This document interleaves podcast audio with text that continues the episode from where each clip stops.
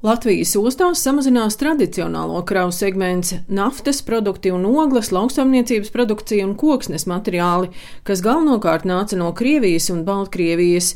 Šo kravu skaits samazinās arī sankciju dēļ, bet satiksmes ministrijas eksperts Andris Maldups stāsta, ka gan Rīgas, gan Liepājas, gan Ventspils ostās šogad apgrozījums audzis. Tas lielākais kravu pieaugums, protams, ir akmeņogļu segmentā šobrīd, jo pagājušais gads akmeņoglēm bija nu, tāds, varētu teikt, pavisam tukšais gads.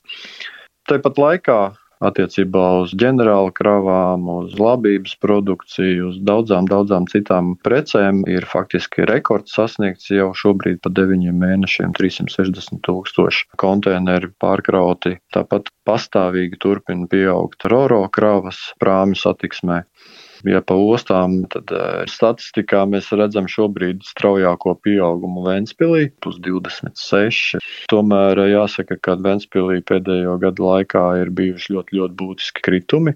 Mazākais pieaugums procentuāli Liepājā plus 11. Tomēr Liepāja visu laiku ir strādājusi ar zināmu pieaugumu, un Rīgā tāpat ir bijis ļoti nelabvēlīgs pagājušais gads dēļ akmeņogliem, bet šogad atkal atkopjamies pār pa 13% pieaugums. Paralēli šiem kravu apjomiem ostas arī aktīvi strādā pie industrializācijas attīstības jaunu uzņēmumu piesaistes, kas ir ne tikai kravu pārkraušana, bet dažādi pievienotās vērtības pakalpojumi un ražošana. Rīgas brīvostas pārvaldnieks Ansis Zeltiņš stāsta, ka Krievijas kara Ukrainā dēļ mainās situācija pasaules tirgu un loģistikas ķēdes, tāpēc arī Rīgas ostā šogad ienāca gan daudz vairāk konteineru kravas, gan akmeņogļu kravas. Ņemot vērā, ka ogles nav iespējams vairāk iegādāt no Krievijas, tad ir stājies spēkā embargo, tad pieņemsim tāpat Polija iepērk ogles no citām piegādātāju valstīm. Lielos kuģus nav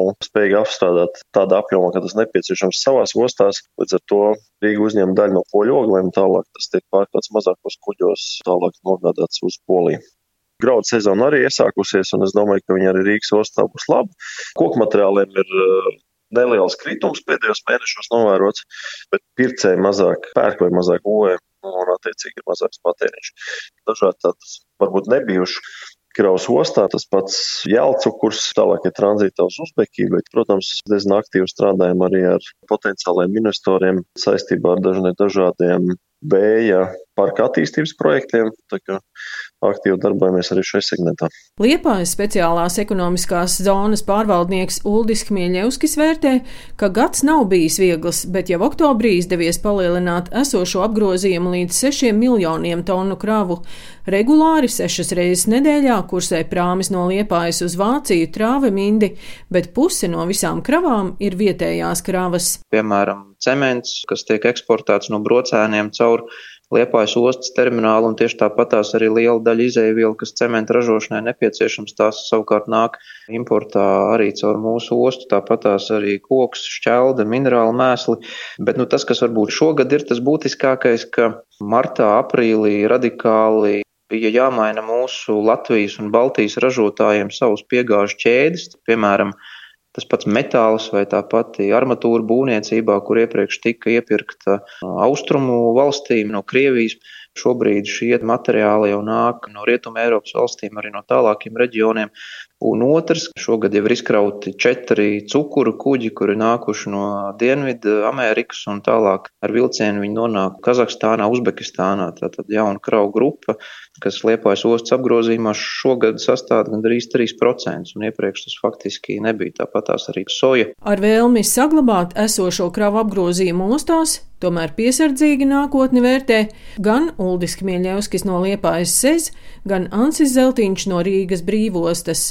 Mēs, no, protams, nākošo gadu plānojam arī zināmā mērā piesardzīgi, tāpēc, ka tomēr īsti neviens nevar pateikt, kas būs pēc nedēļas vai pēc mēneša. Protams, arī energoresursu cenas un enerģijas cenas un diezgan lielā nenoteiktība, kas saka, nerada tādu pilnīgi ilgtermiņa optimismu. Mēs uz nākotni skatāmies arī pietiekoši piesardzīgi, jo ir ļoti daudz notikumi, kas varētu būt arī neatkarīgi no mums un dažādi lēmumi, kur nav mūsu varā viņas iespaidot. Tāpēc mēs turpinām strādāt, protams, skatāmies piesardzīgi uz dažādām norisēm, kas pasaulē notiek. Savukārt satiksmes ministrija turpina sarunas par sadarbību tranzīta jomā ar Centrālā Azijas valstīm Kazahstānu un Uzbekistānu, arī Ķīnu, Skandināvijas un Rietumē Eiropas valstīm. Daina Zalamane, Latvijas radio.